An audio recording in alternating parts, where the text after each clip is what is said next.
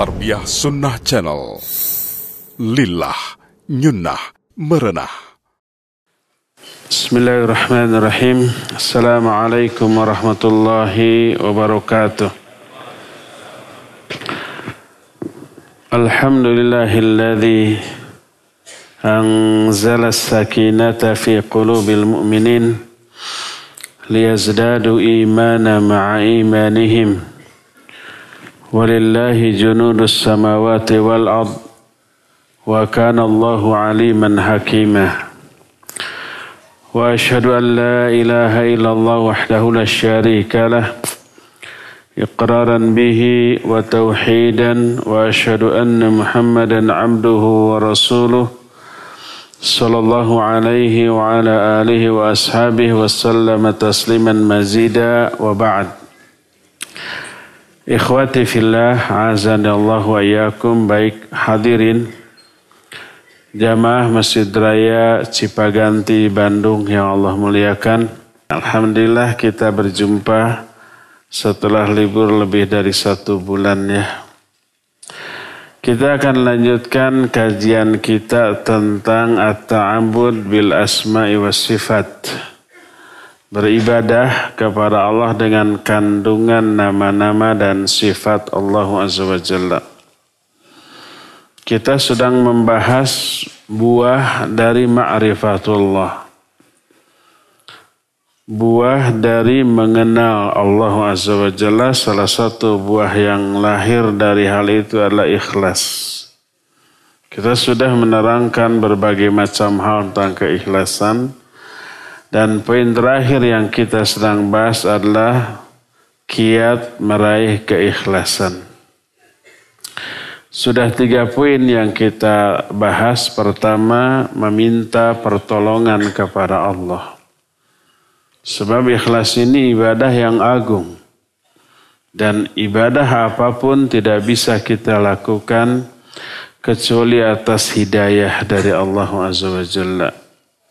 Maka mintalah kepada dia agar Allah memberi hidayah kepada kita untuk ikhlas dalam setiap beramal. Kiat yang kedua adalah seluruh jiwa raga kita, hati kita, anggota badan kita harus juga ikut beribadah kepada Allah. Selama ini kan ibadah yang kita lakukan hanya raga ya. Hanya anggota badan. Salat kita berdiri, sedekap, ruku, sujud, duduk, lisannya membaca doa dalam sholat. Tapi hatinya, pikirannya, perasaan kita tidak ikut ibadah, ya enggak? Ketika kita ruku mengagungkan Allah, ingatan kita ingat kepada dunia, pekerjaan, pelajaran, dan urusan dunia lainnya. Kiat ketiga yang juga sudah kita terangkan adalah mengenal lawan dari keikhlasan. Untuk dijauhi, mengenal apa itu ujub, mengenal apa itu ria, mengenal apa itu sum'ah, mengenal apa itu takabur, serta bahaya dari semua itu sehingga kita takut. Itu semua sudah kita terangkan. Sekarang kita masuki kiat keempat untuk meraih keikhlasan. Ayyaqta'a tama' fil makhluqin wa la yaltafitu ila madhihim.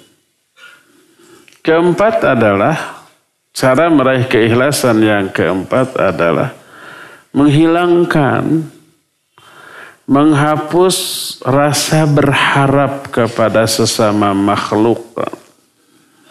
Mengharapkan apa yang bisa kita raih dari sesama makhluk. Itu yang harus kita hilangkan dalam diri kita baik mengharapkan uangnya, jabatannya, termasuk pujiannya, termasuk komentar yang sesuai dengan harapan kita, mengharapkan jempolnya, likes-nya, komen yang baik atas status yang kita bikin atau atas amalan yang kita yang kita lakukan. Hilangkan tuh keinginan dan harap berasa berharap kepada sesama makhluk. Bagaimana caranya? Selain dengan sabar dan yakin, hadirkan dua hal berikut ini agar kita tidak memiliki harapan kepada sesama makhluk. Apa dua hal tersebut? Pertama, ayya'rifa rabbahu ma'rifatan sahihatan bi asma'ihi wa sifatih. Pertama, mengenal Allah dengan cara mengenal yang benar melalui penelaahan terhadap nama-nama dan sifat Allah melalui penjelasan para ahlinya yaitu para ulama para ulama mengenal Allah dengan informasi yang datang dari Allah dan Rasulnya jangan mengenal Allah dengan otak dengan akal nggak bisa Kenali Allah dengan informasi yang datang dari Allah tentang dirinya. Siapa yang lebih mengenal Allah? Allah sendiri. Dan Allah memperkenalkan dirinya kepada manusia melalui wahyunya dan melalui nabinya. Melalui Quran Sunnah. Jangan menetapkan nama dan sifat Allah dengan akal, dengan otak. Nggak bisa. Berkata Abu Bakar As-Siddiq radhiyallahu an araftu bir araftu rabbi bi rabbi falaula rabbi ma araftu rabbi Aku mengenal Allah melalui informasi yang bersumber dari diri Allah. Seandainya Allah tidak mengenalkan dirinya kepadaku, niscaya aku tak akan pernah mengenalnya. Maka kenali keagungan Allah, kemuliaan Allah dan sifat-sifat Allah sehingga melahirkan keyakinan segala yang ada di muka bumi ini milik Allah. Yang memberi madarat dan maslahat hanya Allah. Yang menerima dan menghalangi, eh, yang memberi dan menghalangi pemberian hanya Allah. Yang mengatur seluruh jalan kehidupan seluruh makhluk hanyalah Allah Azza wa Jalla. Termasuk yang memuliakan dan yang menghinakan hanya Allah. Maka hati kita secara keseluruhan fokus kepada ini. Ini yang pertama. Poin yang pertama agar kita ini tidak memiliki rasa berharap kepada manusia. Semua yang kita harapkan berada di tangan Allah. Allah yang ngatur. Kedua, ayya'rifa dha'fal khalqi wa azzihim. Kedua, kenali lemahnya makhluk, hinanya makhluk, terbatasnya kemampuan makhluk. Makhluk itu tidak bisa memberi manfaat terhadap diri sendiri atau menolak madarat dari diri sendiri apalagi terhadap orang lain. Ada nggak makhluk yang seumur hidupnya sehat terus nggak pernah sakit? Tidak ada. Dia tidak bisa menolak madarat sakit dari dirinya. Ada nggak manusia yang tidak pernah lapar, tidak pernah haus, tidak pernah lelah, tidak pernah ngantuk? Nggak ada. Semua manusia sekaya apa pun dia pernah merasakan lapar, haus, lelah, ngantuk. Madarat lapar, madarat haus, madarat lelah, madarat ngantuk. Nggak bisa dia hindarkan dari dirinya. Makhluk itu lemah.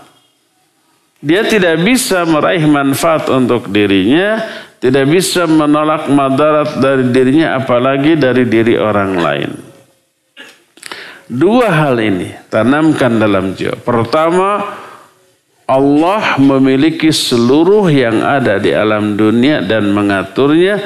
Kedua, seluruh makhluk itu lemah, tidak memiliki kemampuan apa-apa. Dengan memiliki dua hal ini, maka harap rasa berharap kita kepada sesama makhluk akan terkikis.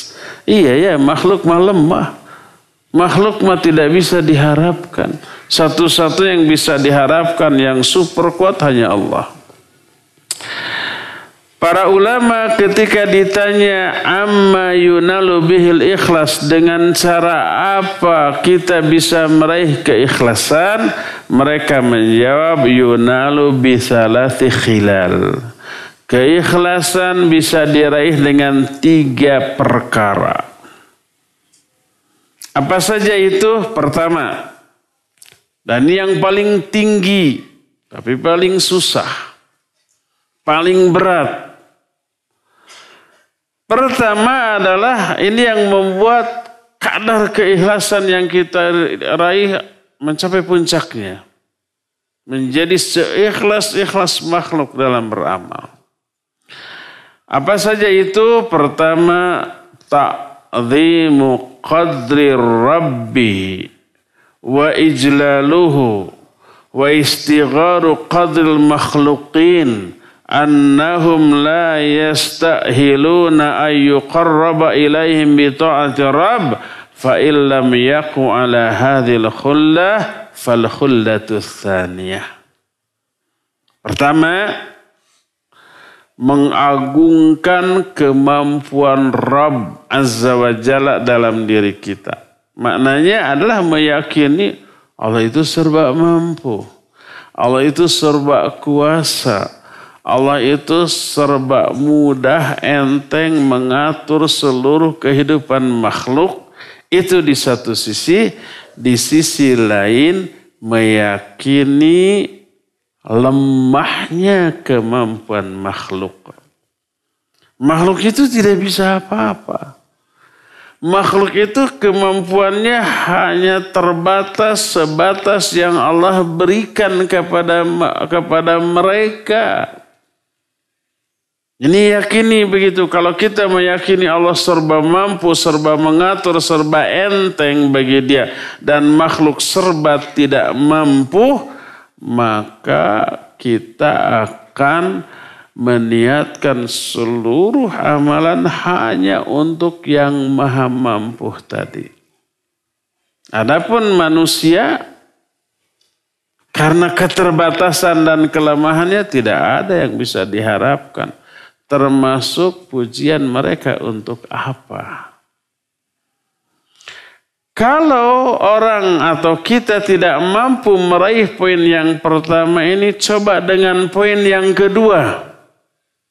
Apakah yang kedua ini?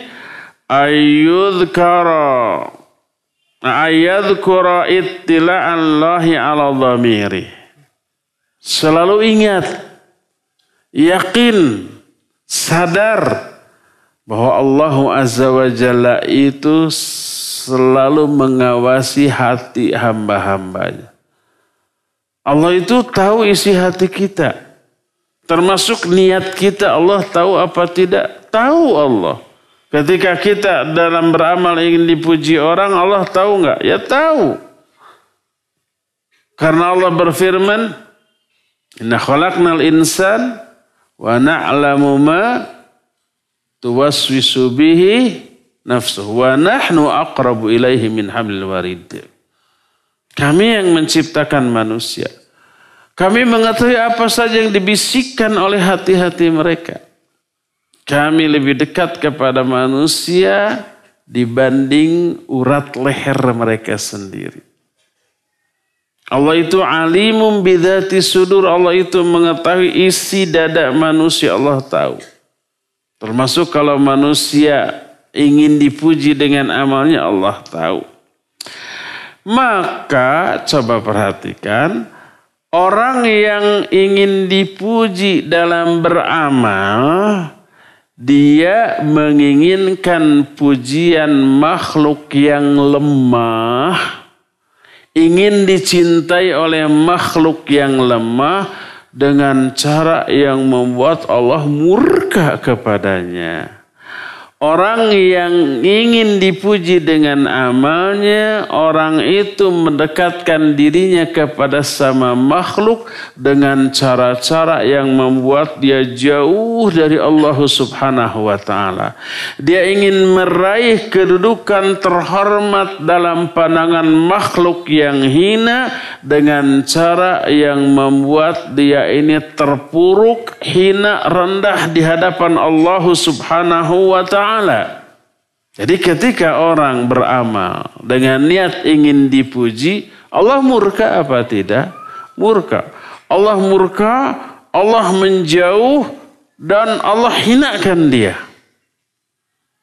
Orang yang beramal dengan niat ingin dipuji orang, ya, apa yang diharapkan dengan pujian orang itu ingin dekat dengan orang itu, ingin dicintai oleh orang itu dan ingin dianggap mulia oleh orang itu. Ingin dianggap mulia dalam pandangan orang tapi dia hina dalam pandangan Allah.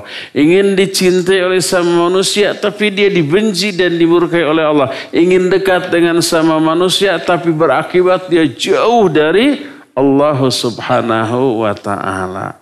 Bahaya apa tidak? Super bahaya. Dipuji orang, dimurkai oleh Allah. Dicintai oleh orang, dibenci oleh Allah. Dekat dengan orang, tapi jauh dari Allah. Terbalik. Nah, ini ini perkara kedua yang harus kita sadari. Sadari bahwa dengan ria, dengan ingin dipuji, Berarti kita menjauh dari diri Allah walaupun dekat kepada sama manusia. Dibenci, dimurkai oleh Allah walaupun umpamanya disukai, dicintai oleh manusia. Ingin dimuliakan oleh manusia tapi hina dalam pandangan Allah subhanahu wa ta'ala. Ini poin yang kedua. Ya sadari seperti itu. Ketiga, kalau tidak mampu meraih hal itu, melangkah kepada poin ketiga, maka introspeksi. Lihat diri sendiri dengan kacamata iba. Dengan pandangan karunya. Apa karunya teh? E, kasihan dengan pandangan yang dipenuhi rasa kasihan karena apa? Karena diri kita telah menghapus seluruh amal kebaikan pahala dari ibadah kita. Padahal pahala itu yang amat sangat kita butuhkan kelak di akhirat. Sebab pahala ini kan modal untuk bahagia di akhirat. Tanpa pahala kita bangkrut. Kita nggak punya modal untuk bahagia. Yang ada hanyalah dosa yang menumpuk. Apakah orang beramal dengan niat dengan ingin dipuji itu dia dapat pahala atau dapat dosa? Dapat dosa. Pahalanya nggak dapat dosanya iya terkena ancaman, siksa dan azab dari Allah seperti yang sudah kita terangkan di kajian-kajian yang lalu. Ibadah yang dilakukan dengan ria nggak menghasilkan pahala, malah melahirkan dosa. Jadi orang yang ria dalam beramal adalah orang yang patut dikasihani harus ditatap dengan pandangan mata yang iba kacian delu. Dia akan terpuruk kepada kehinaan di akhirat nanti. Ya, jadi siapa orang yang tidak mampu membebaskan dirinya dari ria, dari ujub, dari sum'ah, orang itu adalah orang yang patut dikasihani. Coba perhatikan keadaan sekeliling dari makhluk yang ada di sekitar kita, manusia. Manusia merasakan lapar, merasakan haus. Kita lihat bagaimana ketika mereka lapar dan haus.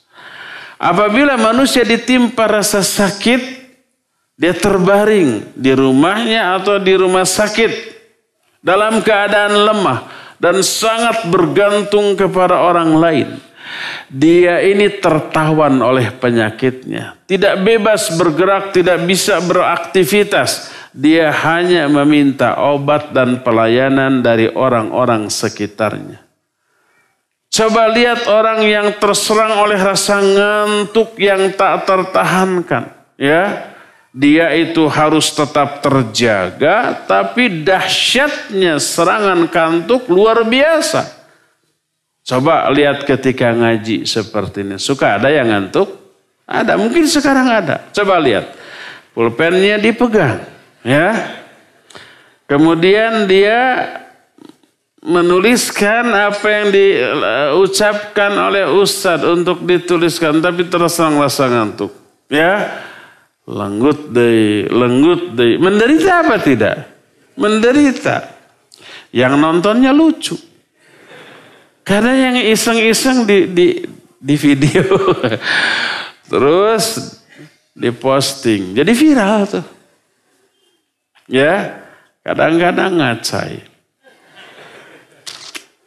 Kadang-kadang ada yang sampai terjengkang begitu ya. Menderita apa tidak? Menderita.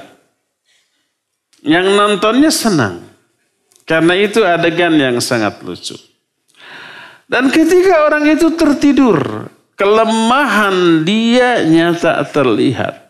Dia tidak bisa melihat, tidak bisa mendengar, tidak menyadari apa yang terjadi di sekelilingnya, tidak bisa bicara, bahkan tidak bisa berpikir ketika tidurnya. Apa pun yang kita lakukan kepada dia, dia nggak peduli, dijebian, gitu ya, digibahi, dicela, dihina, nggak denger dia lemah. Dan yang paling parah puncak kelemahan manusia adalah ketika dia mati dan sangat membutuhkan orang lain untuk mengurus dirinya, dimandikan, disolatkan, dikafani dan dikuburkan. Yang bila tidak dikuburkan dia akan menimbulkan madarat yang luar biasa besar. Bangkainya akan bau, akan menimbulkan berbagai macam penyakit. Lihat, Manusia berasal dari sesuatu yang sangat dihindari oleh semua manusia, dianggap jijik. Berasal dari cairan yang hina dan berakhir menjadi bangkai yang sangat dijauhi oleh manusia. Maka bagaimana makhluk seperti itu akan menjadi pusat perhatian kita yang kita harapkan pujiannya, yang kita harapkan komentarnya, yang kita harapkan perhatiannya.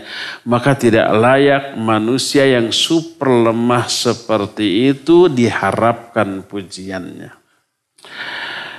Lalu apa sih yang diinginkan dari pujian manusia? Ketika manusia memuji orang, dia berdusta. Dia sedang melancarkan taktik meraih keuntungan dengan cara menipu. Apa tipuan yang dilakukannya? Tipuan yang dilakukannya adalah orang memuji itu pasti ada udang di balik bakwan. Ada udang di balik batu. Mungkin ya, mungkin orang itu memuji karena mengharapkan apa yang kita bisa lakukan untuk dia. Mengharapkan uangnya, mengharapkan bantuannya, mengharapkan dukungan kita kepada dia. Dan itu menguntungkan dia. Atau ada atonya. Dia memuji kita agar terhindar dari keburukan kita. Dari kejelekan kita, dari kejahatan kita kalau kita orang jahat. Dengan dipuji, kita tidak berbuat buruk kepada dia. Itu yang biasa dilakukan oleh orang. Oleh karena itulah maka ketika orang memuji, maka pasti pasti ada maksud dari pujiannya. Agar memperoleh feedback dari kita. Minimal kita menyukai dia. Minimal kita mendukung dia. Minimal kita akan mendekat kepada dia. Atau bisa juga untuk menghindarkan keburukan dari tindakan kita kepada dia. Agar kita tidak berbuat jahat kepada dia. Berkata Al-Imam Ibn Qayyim rahimahullahu ta'ala. Kata beliau, wa yakfi qubhan wa madham wa madhammatan fi cukuplah keburukan dan tercelaknya orang yang ingin dipuji adalah bahwa mereka memuji li'annahum ya'lamuna annaka tatrabu lidhalik karena mereka mengetahui bahwa kita senang untuk dipuji. Ketika dipuji kita suka. Terus fatawassaluna ila tahsili maqasidihi mink. Mereka menjadikan pujian sebagai alat, sebagai wasilah untuk meraih apa yang bisa diraih dari dirimu au kaffa syarrika anhum bimadhika atau untuk menghindarkan keburukan kamu dengan memuji kamu. Oleh karena itu kata Imam Ibn Qayyim fassanau alaik zuran wa kadhiba. Pujian orang kepadamu adalah sebuah kedustaan dan tipuan. Dia memuji pasti ada sesuatu. Umpamanya kita memuji orang yang banyak duit. Kita katakan tidak ada orang yang sederma, sedermawan kamu di kota ini. Wah kamu baiklah orang. Apa maksud omongan pujian itu? Eh siapa tahu dia langsung ngerogoh saku. Oh iya gitu. Nih kan gitu langsung tuh. Seperti itulah orang. Pujiannya palsu. Pujiannya mengandung maksud untuk meraih sesuatu yang ada dalam diri kita. Berkata Fudail bin Iyad rahimahullahu taala. Kata beliau, tazayyanta lahum bisu falam tarahum yarfa'una bika ra'san. Tazayyanta lahum bil Qur'an falam tarahum yarfa'una bika ra'san.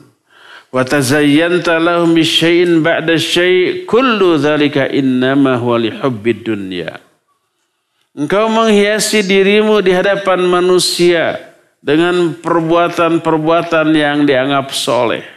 Dengan memakai suf. Suf itu kain yang lusuh. Yang biasa dipakai oleh kaum zuhud. Suf itu berasa, ber, ber, terbuat biasanya dari mungkin kulit domba gitu ya uh, yang yang lusuh pokoknya yang tidak bagus agar dikenal sebagai orang yang zuhud. Padahal mereka tidak pernah memujimu untuk itu. Kamu hiasi dirimu di hadapan manusia dengan Al-Quran. Dengan banyak membaca Al-Quran di hadapan manusia dengan memperdengarkan apa namanya bacaan indah lagu yang merdu ketika membaca Al-Quran di hadapan manusia. Atau dengan segala amal soleh yang kamu lakukan untuk mereka semuanya itu lihubbid dunyak. Itu karena kecintaanmu kepada dunia. Dan salah satu dunia yang kamu cinta itu pujian orang Dunia bukan hanya harta, bukan hanya tahta, bukan hanya popularitas, tapi pujian orang juga bagian dari dunia yang sangat diinginkan oleh manusia. Suatu saat Fudail bin Iyad berkata kepada seorang, ini kiat agar doa kita selalu dikabul oleh Allah Subhanahu wa taala. Kata Fudail, "La'u'allimannaka kalimatan hiya khairu minad dunya wa ma fiha." Aku ajarkan kepada kamu satu kalimat yang lebih baik daripada dunia dan isinya. Wallahi la'in alimallahu minka ikhrajal adamina min qalbik. Hatta la yakuna fil fi qalbika makanun li ghair li ghairihi lam tas'alhu syai'an illa a'tak demi Allah kata Fudail bin Iyad. Fudail bin Iyad diyakini oleh para ulama sezaman atau setelahnya sebagai orang yang doanya itu makbul cespleng tokcer mujarab sasiduh metu saucapnya tak doanya dikabul. Apa rahasianya? Beliau bagi ini ke orang. Kata beliau, aku ajarkan kepadamu satu kalimat yang lebih baik daripada dunia dan isi. Apakah itu? Dia berkata, demi Allah, kalau Allah mengetahui bahwa kamu telah mengeluarkan dari dari hatimu harapan kepada sesama makhluk.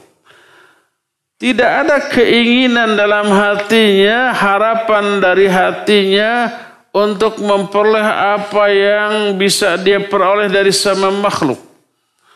Sehingga tidak ada setitik pun keinginanmu untuk meraih apa yang ada di tangan makhluk maka kamu tidak akan pernah meminta sesuatu pun kepada Allah kecuali pasti Allah akan berikan permintaan.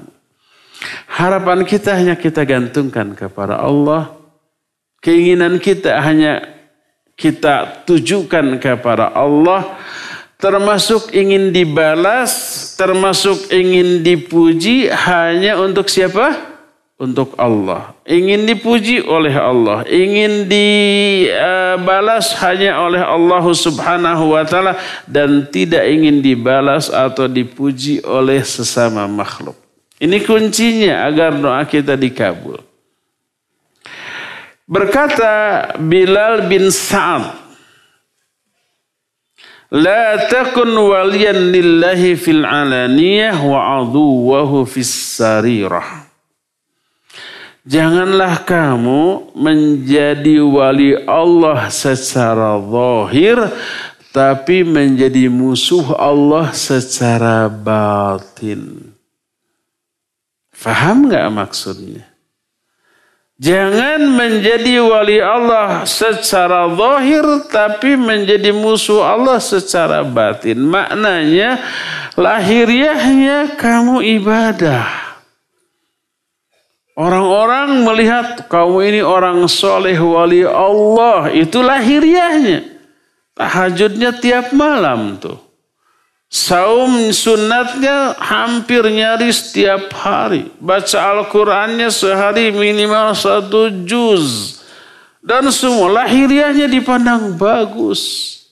Orang memandang kamu orang soleh, kamu wali Allah secara lahiriah. Tapi batinnya busuk. Salah satu kebusukan batinnya, semua ibadahnya itu ditujukan untuk pujian manusia. Untuk dapat apresiasi, dapat likes, dapat tam, dapat jempol dari sesama manusia itu adalah busuk, itu maksiat. Allah murka, Allah memusuhi orang seperti itu. Lahiriahnya dia bagus, batiniahnya dia busuk. Lahiriahnya seolah-olah dia wali Allah, batiniahnya menjadi musuh Allah Azza wa Jalla. Ini maknanya jangan kamu menjadi wali Allah secara lahiriah tetapi menjadi musuh Allah secara batiniah. Itu maksud perkataan dari Bilal bin Sa'ad. Di kesempatan lain berkata Bilal bin Sa'ad, "La takun dha wajhain wa dha lisanain." Jangan kamu bermuka dua dan berlisan dua. Ada dua lisan selain dua muka. Orang yang bermuka dua kan kita kenal orang munafik ya.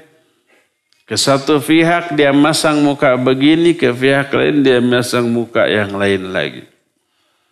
Jangan kamu menjadi bermuka dua dan berlisan dua. Apa maknanya? Tudhiru linnas liyahmaduk wa qalbuka fajir. kamu menampakkan amal-amal baik di hadapan manusia agar mereka memujimu tapi hatimu durhaka. Jadi semua amal baiknya dilakukan hanya untuk meraih pujian manusia. Dan itu kedurhakaan yang nyata kepada Allah Azza wa Jalla. Bermuka dua. Kehadapan manusia memasang muka yang alim, yang baik, yang menyenangkan tapi kepada Allah sebaliknya. Berkata Imam Ibn Qayyim rahimahullahu taala yang beliau terangkan dalam kitab Al-Fawaid. Kata beliau la yajtami'ul ikhlas fil qalbi wa mahabbatul madah wa sana wa tama fima indan nas. Tidak akan bertemu dalam satu hati dua hal apa dua hal ini? Pertama keikhlasan dan dua keinginan untuk dipuji, disambung dan berharap kepada manusia. Dua hal ini nggak akan bertemu. Kalau ikhlas nggak akan ada keinginan untuk dipuji, untuk disanjung, untuk berharap kepada kepada sama manusia. Kalau ikhlas, tapi kalau ada keinginan untuk dipuji, untuk disanjung, untuk mengharapkan apa yang ada di tangan manusia, menunjukkan keikhlasan tidak ada di hati seperti itu. Illa kecuali kata Imam Ibn Qayyim. Tidak akan bertemu dalam satu hati. Dua hal tadi kecuali seperti bertemunya api dengan air. Ada api dibanjur sama air. Apa yang terjadi? Apa yang terjadi? Padahal belum tentu tergantung apinya dan air. Kalau apinya umpah serumah, di, di banjur ku ember sa cai, di ember ku cai sa ember, di banjur ku cai sa ember. Yang mati airnya apa apinya? Airnya habis. Sok nahir cai tah sa panci. Terus dinyalakan di kompor.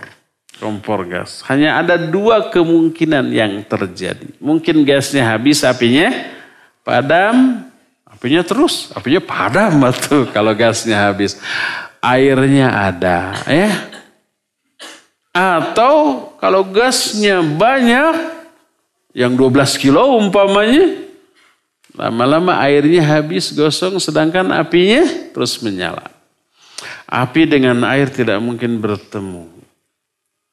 Tidaklah bertemu, tidaklah berkumpul di satu hati keikhlasan dan perasaan ingin dipuji seperti kecuali seperti bertemunya air dengan api atau bertemunya dob dengan ikan. Ikan itu makanannya dob. Dob itu katakanlah bayawak di kita mirip-mirip begitulah. Tidak ada di tempat kita ya. Kalau ada ikan, menunjukkan adanya ikan tidak adanya dob. Kalau ada dob pasti habis itu semua ikan. Kalau ada dob ikan nggak akan ada. Ya. Maka kalau kamu ingin meraih keikhlasan, kalau kamu ingin meraih keikhlasan, sedangkan lawan dari keikhlasan adalah dua tadi. Keinginan untuk dipuji dan berharap kepada sesama manusia. Dua hal itu tidak akan mungkin bertemu dengan keikhlasan. Kalau kamu ingin meraih keikhlasan, pertama, hadapi at-tama fima indanas. Hadapi rasa berharap kepada sesama manusia. Sembelih itu dengan pisau putus asa Maknanya putus asa dari meraih apa yang ada di tangan manusia. Maknanya apa yang ada di tangan manusia nggak bisa diharapkan lah gitu ya. Berputus asalah dari apa yang dimiliki oleh manusia. Dan itu bagus. Yang buruk adalah putus asa dari apa? dari apa-apa yang ada di sisi Allah putus asa dari rahmat Allah dari ampunan Allah dari keriduan Allah dari pahala Allah itu yang buruk putus asa dari apa-apa yang Allah miliki itu yang buruk adapun putus asa Dari apa yang dimiliki manusia sesuatu yang menjadi keharusan. Berputus asalah dari apa yang dimiliki oleh manusia. Sembelih itu rasa harap kepada manusia, berharap kepada manusia dengan pisau putus asa. Lalu hadapi keinginan untuk dipuji dan disanjung. Dengan cara bagaimana? Zuhudlah kepada pujian dan sanjungan seperti zuhudnya para pemburu dunia terhadap akhirat. Orang yang hidupnya duniawi oriented, orientasi hidupnya hanya untuk dunia, dia nggak peduli dengan akhirat. Dia zuhud terhadap akhirat. Dia tidak berharap terhadap akhirat. Yang dikejarnya itu hanya apa? Dunia. Ya. Seluruh hidupnya untuk dunia. Seluruh waktunya setiap harinya tisuk jedur nepikan ke sore jeder. Ya. Tisuk-suk, tidung-dung, suku jadijen hulu, hulu dijen suku dug hulu pet nyawa, tisuk jedur nepikan kasore, jeder hanya memburu dunia. Nggak peduli terhadap akhirat. Dia zuhud terhadap akhirat. Zuhud terhadap akhirat, buruk apa jelek? Buruk dan jelek. Yang bagus mah zuhud terhadap dunia. Jangan zuhud terhadap akhirat. Buru akhirat dan zuhudlah terhadap dunia. Jadi zuhudlah kamu terhadap pujian dan sanjungan orang seperti zuhudnya para pemburu dunia terhadap akhirat. فإذا استقام لك ذبه الطمع والزهد في الثناء والمدح sahula alaikal ikhlas. Kalau kamu sudah istiqamah dalam dua hal itu, membunuh rasa berharap kepada sama manusia dan zuhud terhadap pujian dan sanjungan akan mudahlah bagi kamu untuk meraih keikhlasan dalam setiap amalan. Jadi bagaimana caranya agar kita mudah untuk ikhlas dalam setiap amalan, maka lawan dari keikhlasan. Dua hal yang menjadi musuh keikhlasan harus kita singkirkan dari diri kita. Apa dua musuh keikhlasan deh? Pertama, cinta, pujian, dan sanjungan. Yang kedua, berharap kepada sesama manusia. Singkirkan itu pertanyaan susulan. How? Apa artinya? Bagaimana caranya? Bagaimana caranya kita bisa menyingkirkan dua musuh keikhlasan dalam diri kita? Berkata Imam Ibn Qayyim, Amma dhabhu tama fayusahiluhu alaik ilmuka yaqinan annahu laysa min syai'in yutma'u fihi illa wa biyadihi wahdahu khazainuhu la yamlikuha ghairuh wa la yu'til 'abda minha syai'an siwah Pertama Adapun cara menyembelih rasa harap kepada sesama manusia adalah dengan memiliki keyakinan bahwa apa pun yang kita inginkan dari diri manusia seluruhnya diatur berada di tangan Allah Azza wa Jalla. Baik itu harta, kedudukan, kemuliaan, pujian sanjungan orang, Allah itu yang ngatur tuh. Semuanya di tangan Allah Subhanahu wa taala, bukan di tangan orang tersebut. Tidaklah Allah memberikan sesuatu pun kepada sesama manusia kecuali hanya karena keinginan dan masyiah Allah. Tidak ada yang bisa memberikan apa pun kepada manusia kecuali Allah. Baik memberikan pujian sanjungan ataupun kemuliaan ataupun harta ataupun tahta ataupun apa pun itu hanya Allah. Watu izzuman tasya watu dhilluman tasya.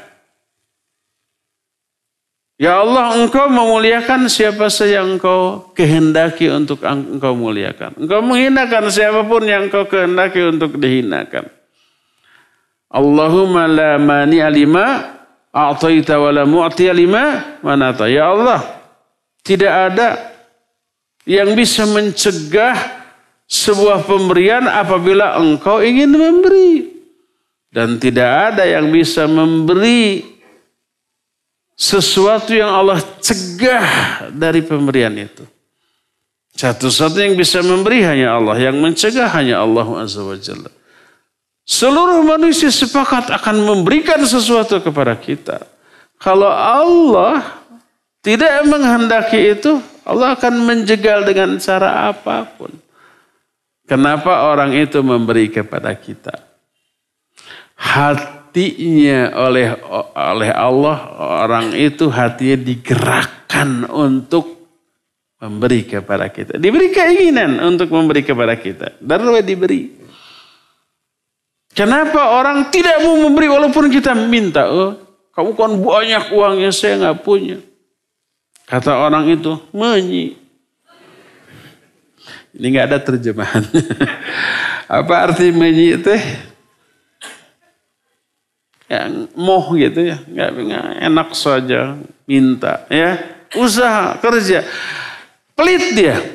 Siapa yang membuat hati orang itu pelit? Allah subhanahu wa ta'ala. Hati para raja, hati para orang kaya, hati orang-orang miskin, semuanya digerakkan diatur oleh Allah Azza wa. Kalau mau minta jangan minta kepada mereka, mintalah kepada Allah nanti Allah akan menggerakkan hati. Sehingga memberi kepada kita.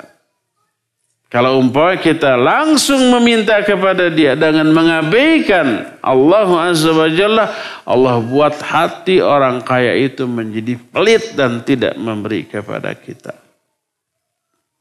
Jadi semua yang terjadi di alam jagat raya ini berada di tangan Allah Subhanahu wa taala. Yakini itu. Jadi cara untuk menyembelih, menghilangkan, mengikis dalam diri kita rasa berharap kepada sama manusia, yakini bahwa semua yang kita harapkan dari manusia baik uang ataupun pujian, sanjungan, kemuliaan itu semua berada di tangan Allah Azza wa Jalla. Tidak ada yang bisa mengatur sampainya pujian, kemuliaan, uang, kedudukan atau yang sejenisnya yang sampai kepada kita kecuali hanya Allah Subhanahu wa taala. Begitulah cara menyingkirkan, menghapus rasa berharap kepada sama manusia. Berharaplah hanya kepada Allah. Nanti Allah menggerakkan hati orang-orang untuk berbuat kebaikan kepada kita. Kedua wa mazuhud fil fithana'i wal madah. Adapun cara agar bisa zuhud terhadap pujian dan sanjungan adalah ilmu annahu laisa ahadun yanfa'u madhuhu wa yazinu wa yadurruhu dhammuhu wa yashinu illa Allah wahdah yakini bahwa tak ada seorang pun pujiannya yang bermanfaat untuk kita. Pujian orang tidak ada yang manfaatnya apa pun terhadap kita. Sehingga pujian orang itu menjadi rekomendasi baik buruknya kita. Enggak.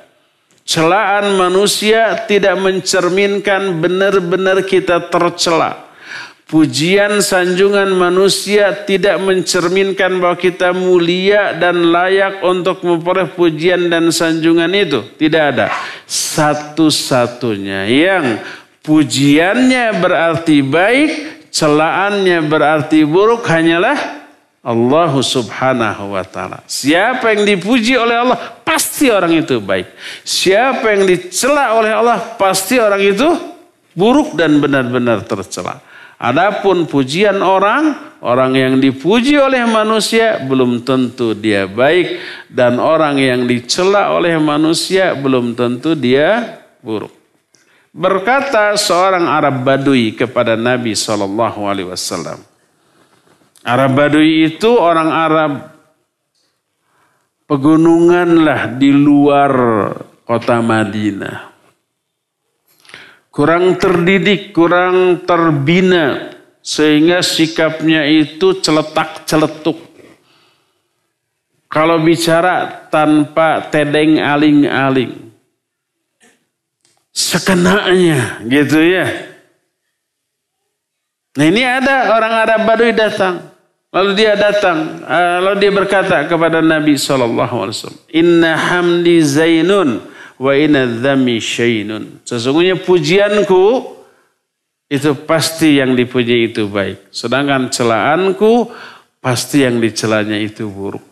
Pujianku adalah kebaikan dan celaanku adalah keburukan. Siapa yang aku puji pasti dia baik. Siapa yang aku cela pasti dia buruk. Orang Arab Badui ngomong begitu. Apa kata Nabi SAW? Zakallahu azza wa jalla. Itulah Allah azza wa jalla. Satu-satunya yang pujiannya pasti baik dan celahannya pasti buruk hanyalah Allah subhanahu wa ta'ala. Manusia tidak begitu. Hadis tersebut diriwayatkan oleh Imam At-Tirmidzi dari Al-Bara bin Azib radhiyallahu anhuma dan beliau menghasankan hadis ini Imam Ibn Qasir menyatakan sanad hadis ini jayid muttasil. Muttasil itu nyambung, tidak ada yang terputus dari para perawinya dan Syekh Al-Albani rahimahullah mensahihkan hadis dalam kitab Sahih uh, At-Tirmidzi.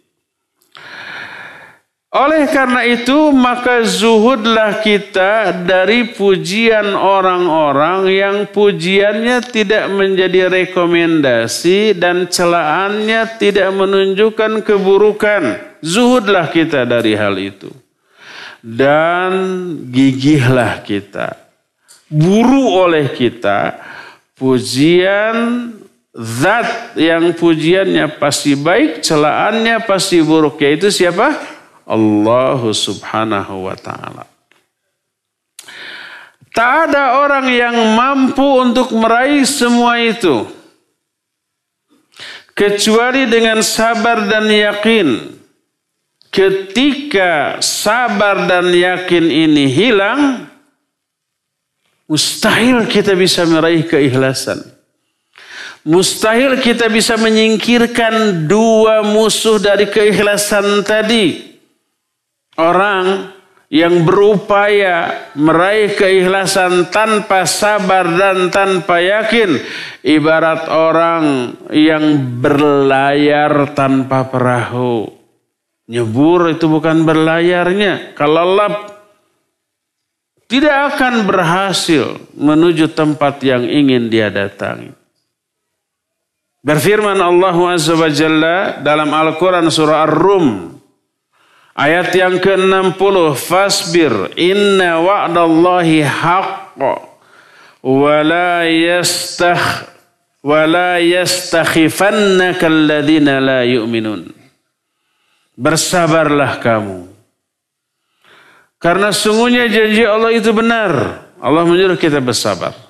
Dan Allah telah menjanjikan banyak keuntungan kepada orang yang sabar. Dan janji Allah itu benar. Allah itu la yukhliful mi'ad. Allah tidak pernah memungkiri janji. Bersabarlah kamu karena sungguh janji Allah itu benar dan janganlah celaan orang-orang yang tidak beriman merisaukan kamu. Omongan orang-orang kafir jangan sampai membuat kamu galau dan risau. Jangan pedulikan omongan manusia. Jangan merasa hina karena ada orang yang menghina. Dan jangan merasa mulia hanya karena ada orang yang memuji. Pujian dan celaan orang nonsens. Tidak ada maknanya. Tidak perlu untuk diperhatikan, dipertimbangkan, difikirkan. tapi buruklah pujian dari Allah dan hindarkanlah celaan dari dia. Semua itu hanya bisa diraih dengan kesabaran. Allah menyatakan fasbir inna wa'dallahi haqqa fala yastakhifannaka alladhina la yu'minun. Bersabarlah kamu. Janji Allah itu pasti benar. Janganlah celaan orang-orang yang tidak beriman membuat kamu ini merasa lemah. Kamu merasa resah dan gelisah. Dalam As-Sajdah ayat 24 Allah berfirman wa ja'alna minhum a'immatan yahduna bi amrina lamma sabaru wa kanu bi ayatina yuqinun. Dan kami telah menjadikan di kalangan manusia imam-imam, pemimpin-pemimpin. Yahduna bi amrina yang memberikan petunjuk dengan perintah kami Siapa orang yang Allah jadikan imam itu? Lama sabaru wa kanu bi ayatina yuqinun. Karena mereka bersabar dan mereka yakin dengan ayat-ayat kami. Makanya para ulama menyatakan wabis sabri wal yakin tunalu al imamatu fiddin. Dengan yakin dan sabar, dengan sabar dan yakin akan diraih keimaman dalam masalah agama. Maksud keimaman dalam masalah agama adalah orang itu akan menjadi panutan, ikutan, tauladan dalam perkara agama. Diikuti oleh orang lain dalam perkara agama, baik pemahamannya, ilmunya ataupun amalnya. Dengan sabar dan yakin. Itu imam. Kita mengenal beberapa imam dalam masalah agama, bukan dalam masalah kepemimpinan politik dan sosial, bukan. Kita mengenal imam madhab yang empat, Imam Abu Hanifah, Imam Malik, Imam Syafi'i, dan Imam Ahmad. Apakah mereka itu lurah, kades, ketua RT RW, atau gubernur? Bukan, itu RT RT aja. Tapi mereka menjadi ikutan dalam masalah agama, baik ilmunya, pemahamannya, penjelasannya ataupun amalnya. Itulah al-imamatu fiddin. Kita mengenal imam di bidang hadis, Imam Bukhari, Imam Muslim, Imam Abu Daud, Imam An-Nasai, Imam At-Tirmidzi, Imam banyak imam-imam ahli hadis lain. Kenapa mereka disebut imam? Karena mereka menjadi panutan dan ikutan dalam perkara hadis ilmunya ataupun pengamalan dari isi hadis tersebut. Padahal mereka bukan pemimpin secara sosial dan politik. Tapi menjadi pemimpin ikutan, panutan, tauladan dalam perkara agama. Semua itu bisa diraihnya dengan dua, sabar dan yakin. Sabar baik ketika belajar, kalau nggak sabar ketika belajar nggak akan mungkin jadi ulama. Baik sabar ketika belajar, ketika beramal dengan ilmunya, atau ketika mengajarkan ilmunya. Ketika belajar wajib sabar, banyak kendala tuh. Banyak tantangan, jangankan belajar kayak mas santren gitu ya. Belajar hadir di sini ada nggak kendalanya? Ada haroream teh, cangkel, pegel, kesel, tunduh, ngantuk dan seterusnya ya. Sok ada nggak sekarang yang merasa cangkengnya cangkel panas? Ada tuh ibu-ibu terutama. Biasa shopping ini harus duduk dua jam. Siapa yang nggak bete? Dalam hati ah kapok ini ini pengajian saya terakhir ah. Nanti emang nggak akan lagi gitu kan? Akhirnya nggak ngaji lagi. Hanya yang sabar. Dia yakin panas dan cangkelnya cangkeng menggugurkan banyak dosa. Meraih banyak pahala. Mendapatkan curahan rahmat dan ridho ampunan pahala yang banyak dari Allah semakin nyeri, semakin pegal, semakin panas ini cangkeng, semakin banyak dosa yang gugur, semakin banyak pahala yang diperoleh yang didapat, dan semakin tinggi kemuliaan yang dia biasa bisa raih. Makanya dia protes ke Ustadz, Ustadz nanti ngaji jangan dua jam, empat jam. Biar cangkeng ini patah sekalian. Karena pahala. Sabar dia. Ini tidak tiap hari. Yang di pesantren tiap hari sehari sekian jam harus begitu. Menahan rasa kantuk, rasa malas, harus menghafal, harus belajar, harus ujian kan gitu ya. Kalau di sini kan nggak ada ujian. Mau tahu mau tidak sebodoh amat gitu kan. Kalau tidak sabar nggak bisa. Sabar ketika mengamalkan ilmu untuk diri. Kalau nggak sabar nggak bisa diamal haroream. Sabar ketika mengamalkan artinya mengajarkan, mendakwahkan. Karena kalau sudah mendakwahkan sudah menyinggung pihak lain.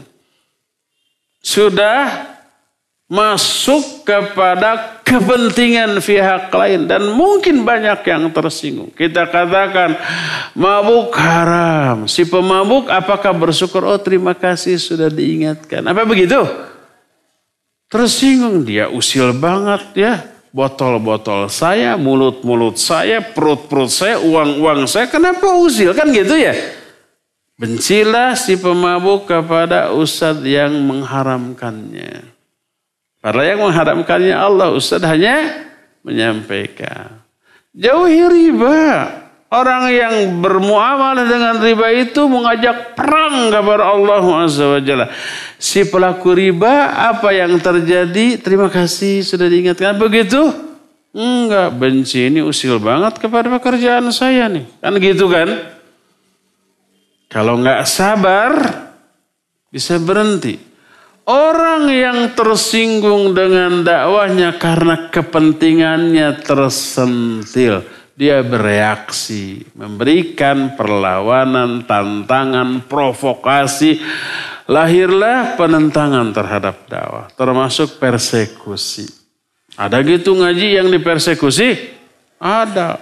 Bubarkan pengajian. Allahu Akbar. Aduh. Takbir dijadikan alat untuk membubarkan pengajian. Ada yang begitu? Di mana?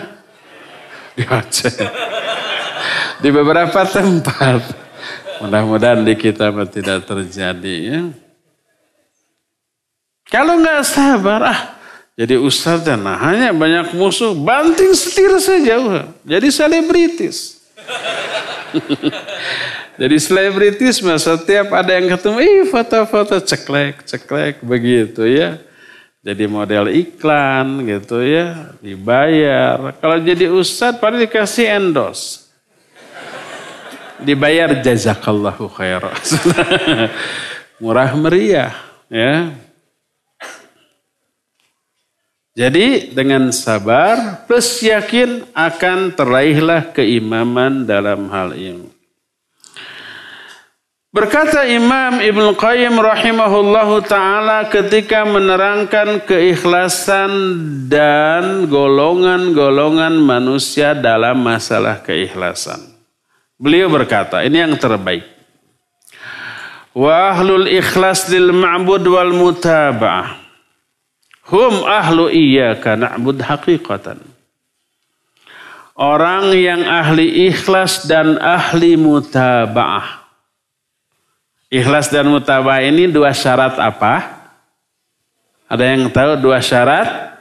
Diterimanya amalan. Satu di antara dua syarat ini tidak terpenuhi, nggak diterima itu amalan. Pertama ikhlas. Kalau nggak ikhlas ditolak. Kedua apa? Mutabah. Apa arti mutabah? Dalam melaksanakan amalan itu harus mengikuti contoh dari Nabi SAW. Nggak bisa ditambah, dikurang, dirubah, ngarang-ngarang sendiri. Nggak bisa. Agama ini juklaknya jelas. Tinggal laksanakan seada, jangan berkreasi dalam perkara agama. Ya. Tidak perlu penambahan, tidak sempurna agama, tidak perlu ditambah, nggak perlu dikurang, nggak perlu dirubah-rubah, nggak perlu disesuaikan, diadaptasikan dengan budaya setempat. Akhirnya Islam di setiap negara beda-beda atunya.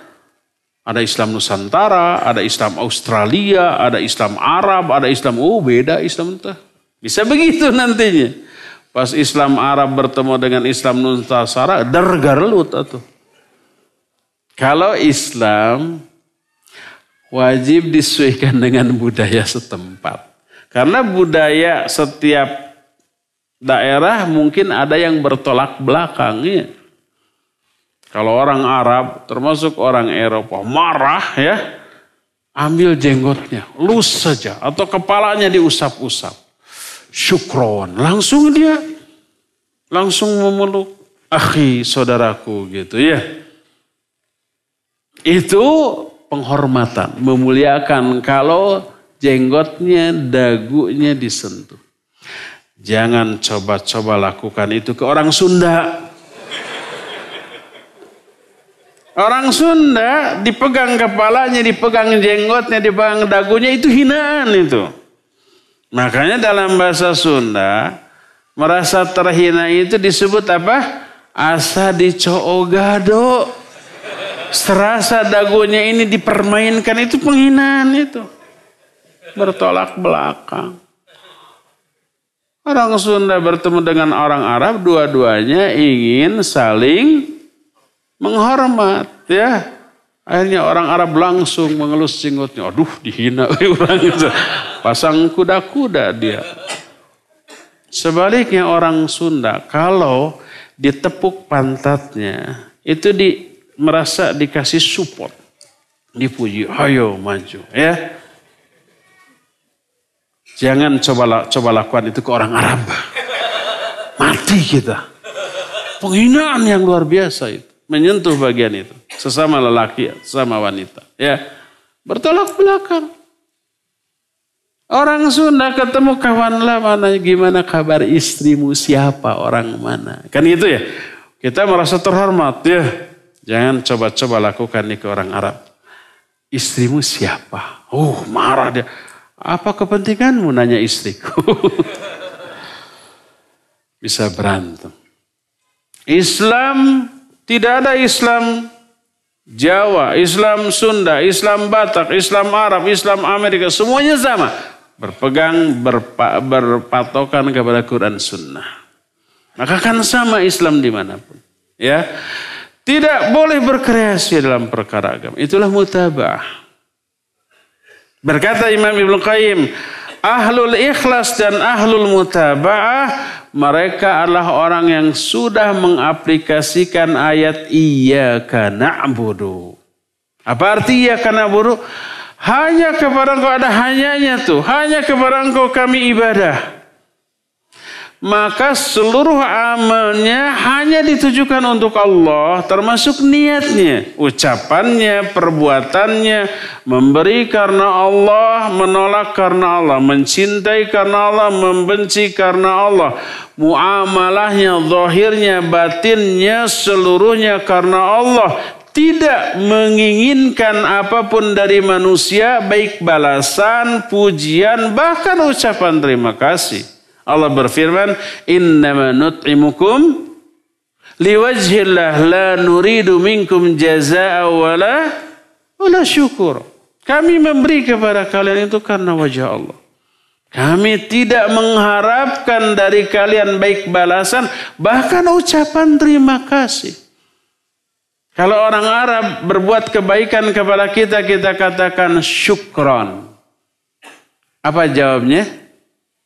Banyak salah satunya adalah bisa afwan, bisa la, la syukur ala wajib. Tidak perlu ucapan terima kasih terhadap sesuatu yang menjadi kewajiban. Menolong orang, berbuat baik kepada orang itu kewajiban. Gak perlu terima kasih la syukur ala wajib. Di kita mah nggak ada ya. Dalam bahasa Inggris ada kalau orang bilang thank you. Apa jawabnya? Macam-macam bisa you welcome, bisa my pleasure. Salah satunya adalah don't mention it. Apa artinya? La syukro ala wajib. Gak perlu diungkit-ungkit. Nggak perlu disebut-sebut. La nuridu minkum jaza'a wala syukra. Don't mention it. Jangan disebut. Bahasa kita hatur nuhun. Oh, toh toh nuhunkan. Gitulah ya. Tekedah nganuhunkan lah. Terima kasih. Ah, enggak, enggak, enggak perlu ucapan terima kasih. Jangan. Gitu ya. Oleh karena itulah semuanya ikhlas karena Allah subhanahu wa ta'ala. Ya. Inilah salah satu cara untuk apa? Untuk meraih keikhlasan. Yaitu apa tadi? Menghilangkan, mengikis rasa berharap kepada sesama manusia dan tidak mengharapkan apa pun termasuk pujian kepada manusia dari manusia. Ya. Cukup ya sampai di sini insya Allah poin berikutnya akan kita teruskan di hari Selasa yang akan datang. Kita masuki sekarang sesi tanya jawab. Ya Pak Mulyono.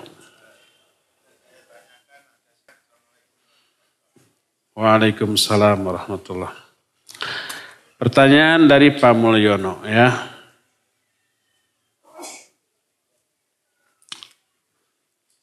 Pertanyaannya kita ngaji seperti ini tapi tidak berharap menjadi ulama. Boleh apa tidak? Tidak berharap menjadi ustadz. Ya itu harapan yang realistis Pak. Kalau dengan ngaji seperti berharap jadi ulama itu mimpi. Kalau mau menjadi ulama jangan hanya ngaji sepekan sekali seperti nggak akan dapat. Tapi harus apa? Mesantren, mulazama, harus terkondisi dalam lingkungan tertentu. Fokus, tafarruk, takhusus, menghususkan diri. Tidak memiliki aktivitas lain. Ya, jadi kalau ingin menjadi seorang ustadz, seorang alim, seorang ulama, hanya ngaji di kajian seperti ini, itu adalah angan-angan, hayalan.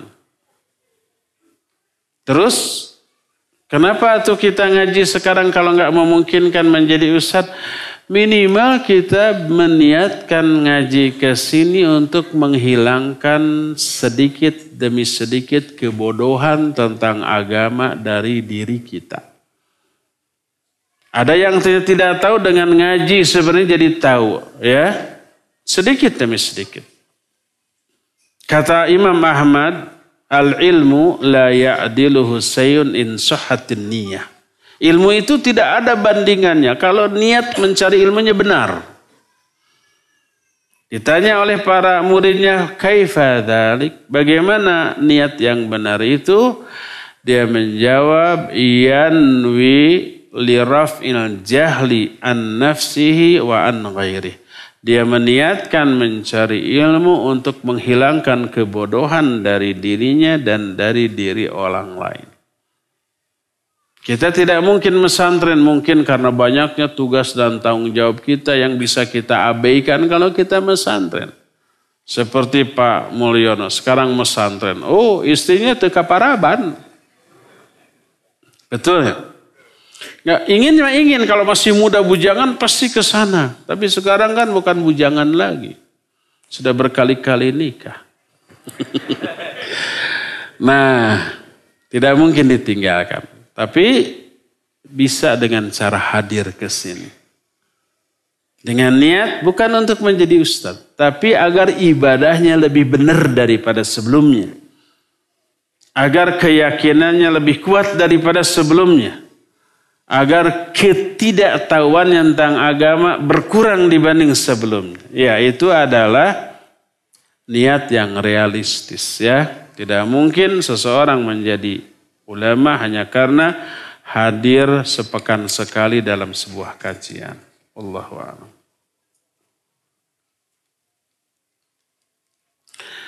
Ustaz, jika pujian manusia tidak menjadi ukuran seseorang, seorang tersebut mulia atau tidak. Bagaimana dengan orang yang dicela Rasul dan para sahabatnya?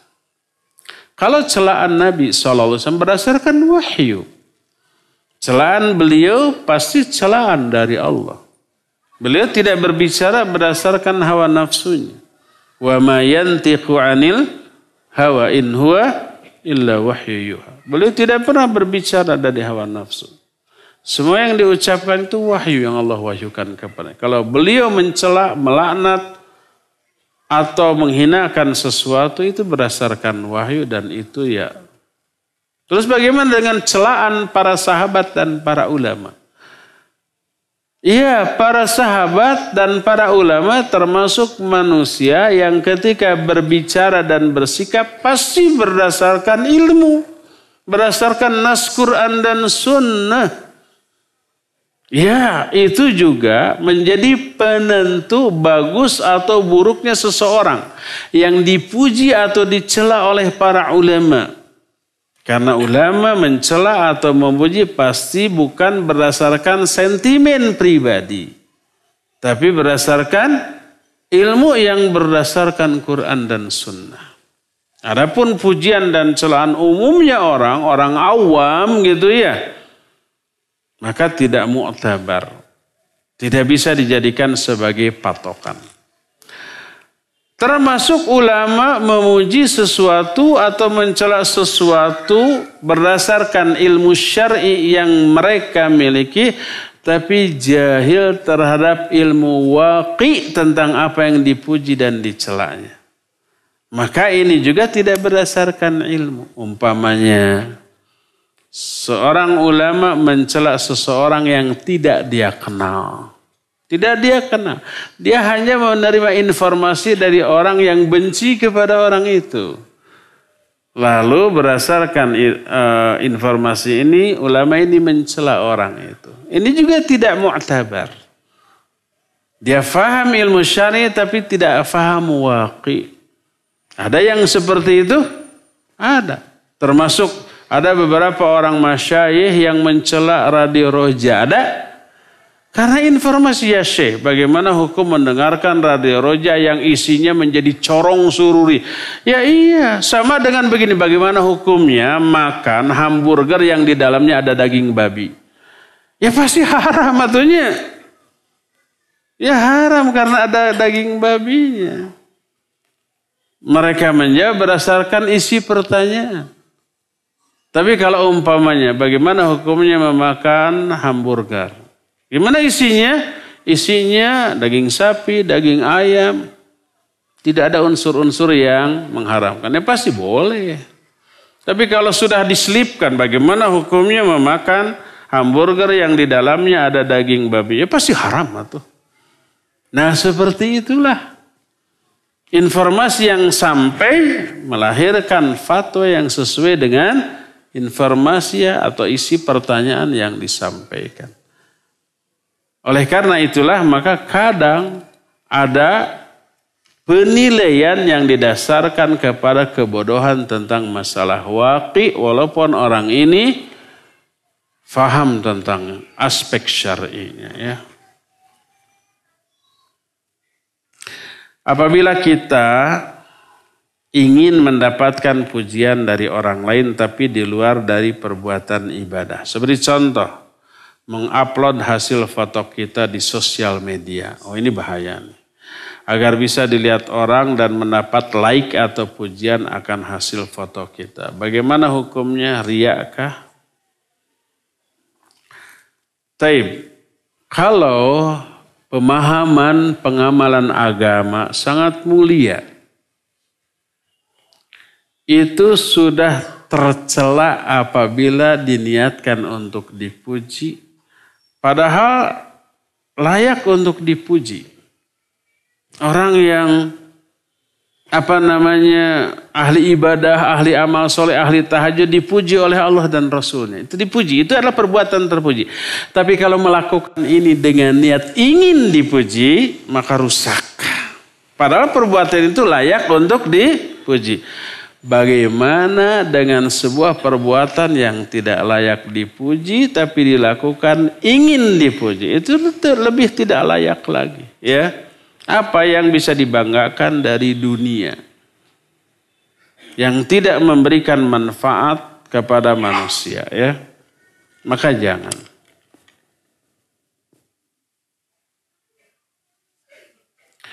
Bagaimana jika berdakwah berharap agar orang yang kita dakwahi menerimanya? Itu nggak masalah karena bukan kepentingan dunia diterimanya dakwah ini bukan kepentingan dunia tapi kepentingan akhirat.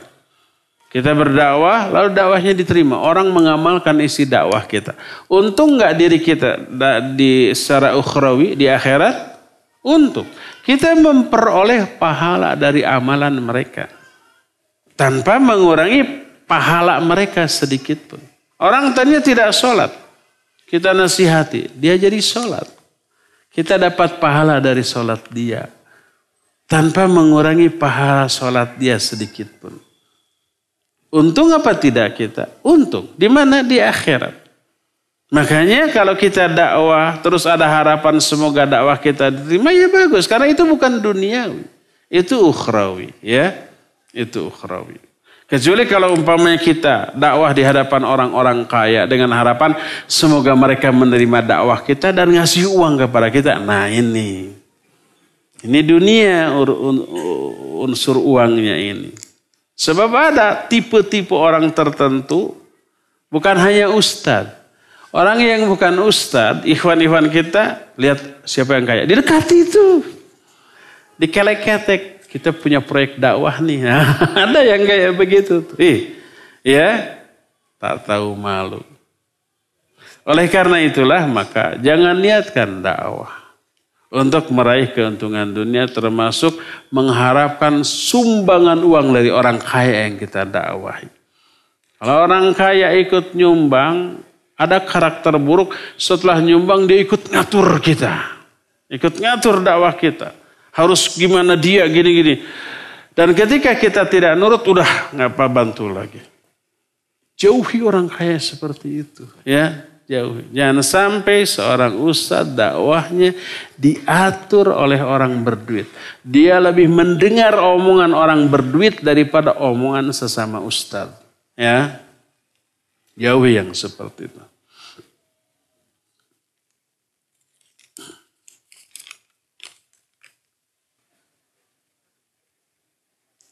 Bagaimana hukumnya berjualan di trotoar jalan yang dibolehkan pemerintah? Ya gitu.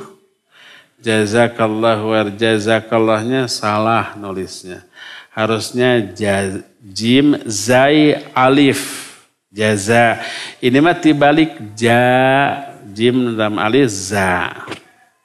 Artinya beda. Jazakallah artinya semoga Allah membolehkan kamu. Bagaimana hukumnya berjualan di trotoar yang dibolehkan oleh pemerintah? Apa fungsi trotoar? Untuk dagang. Untuk orang jalan. Kalau pemerintah bikin trotoar untuk jualan bukan trotoar namanya, lapak atau kios. Bukan peruntukannya trotoar untuk jualan. Kalau ada penjual yang berjualan di trotoar dia merampas hak banyak orang. Hak para pe, pejalan kaki dan hak para pengendara. Karena ketika trotoar penuh dengan Orang yang jualan, orang yang jalan kaki ngambil jalan mobil. Orang yang jalan mobil terampas haknya oleh para pejalan kaki. Macetlah di sana ya. Betul apa benar? Maka penghasilan dari berjualan di tempat yang merampas hak orang adalah haram. Perbuatan itu perbuatan yang haram. Inna Allah idha harrama syai'an harrama thabada. Kalau Allah mengharamkan suatu perbuatan, haram pula keuntungan dari perbuatan tersebut. Ya, seperti itu.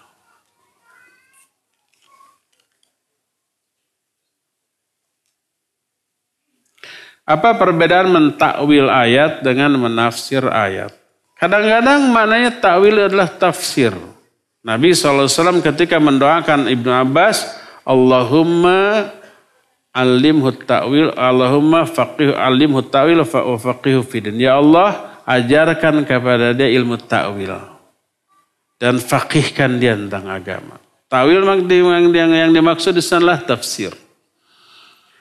Jadi kadang tafsir maknanya takwil adalah sama. Tapi dalam konteks lain berbeda. Tafsir menjelaskan ayat berdasarkan ilmu. Ada nas ayat lain, ada nas hadis, ada kaidah yang diterapkan dalam menafsirkan ayat itu tafsir. Kalau takwil artinya menafsirkan, menjelaskan ayat dengan kebodohan. Bukan dengan ilmu. Dengan ro'yu yang tidak diisi oleh ilmu. Ya. Maka penjelasan para ulama ahli tafsir tentang tafsir adalah tafsir penjelasan orang bodoh tentang Al-Quran itu takwil. Karena tidak didasarkan kepada ilmu.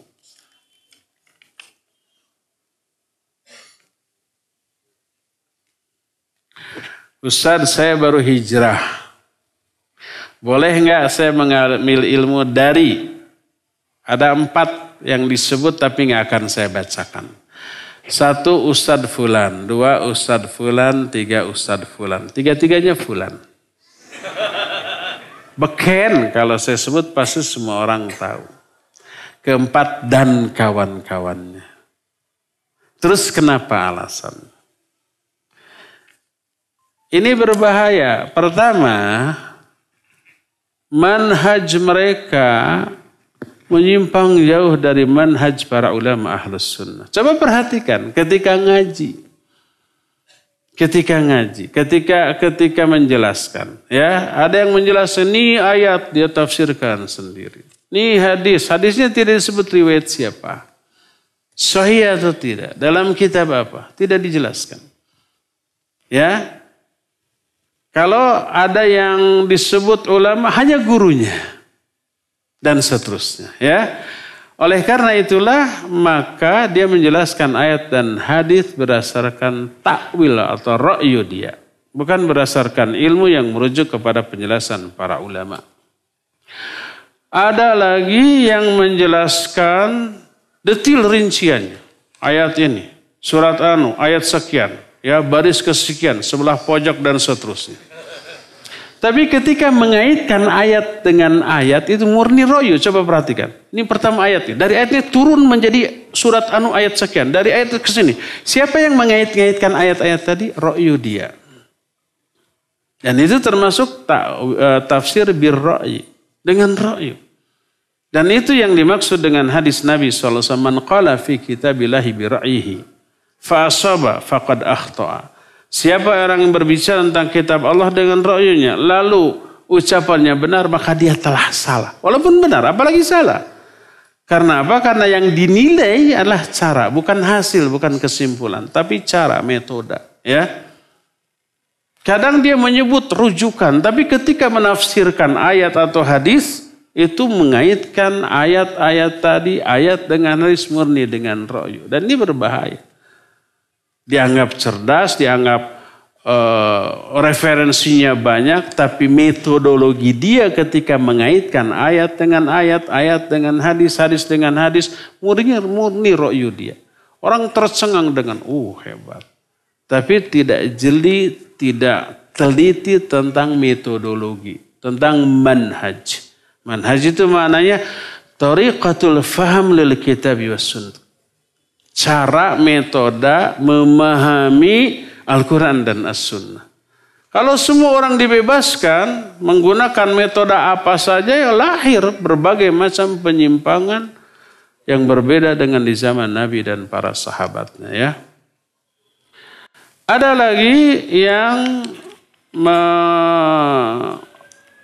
menyesuaikan istilah syar'i dengan istilah yang berkembang di zaman kita sekarang. Dipakailah istilah-istilah yang ke ABG-ABG-an ya. Sampai terjerumus ke dalam menggelari orang-orang mulia dengan gelar-gelar buruk. Lalu berhujah dengan menyesuaikan dengan istilah yang saat ini sedang berkembang. Nabi Musa disebut apa? Preman. Aisyah disebut wanita gaul. Preman itu maknanya konotasinya buruk apa jelek? Buruk dan jelek. Yang namanya preman itu pasti ya image-nya buruk. Tatoan, jahat, ya, dan seterusnya. Nabi Musa hanya karena tonjokannya hebat disebut preman. Cari istilah lain yang tidak memberikan citra buruk. Apa makna istilah wanita gaul pada zaman sekarang? Wanita gaul zaman sekarang itu wanita yang suka kangkau kangkau hang out ya. Pakai apa pakaian yang tidak menutup aurat. Kan citranya begitu. Aisyah dicitrakan seperti itu. Lalu berhujah dengan menyesuaikan dengan istilah yang sedang berkembang ya. Oleh karena itulah maka lahirlah beberapa perubahan opini, perubahan pemahaman dalam diri, dalam benak para ABG yang mengikuti. Itu berbahaya. Tapi, tapi ada tapinya. Penggemar orang-orang itu banyak. Kalau umpamanya diadakan tablik akbar di sini ini nggak muat, bisa-bisa diblokir jalan tuh. Ya, karena banyaknya apa? Penggemarnya. Benar tidaknya sesuatu tidak dilihat dari banyak sedikitnya pengikut. Wallahu a'lam. Eh, sudah lewat waktunya. Cukup sampai di sini. Insya Allah kita jumpa kembali di hari Selasa yang akan datang. Subhanakallahum bihamdik asyhadu an la ilaha illa anta astaghfiruka wa atubu ilaik walhamdulillahi rabbil alamin wassalamu alaikum warahmatullahi wabarakatuh.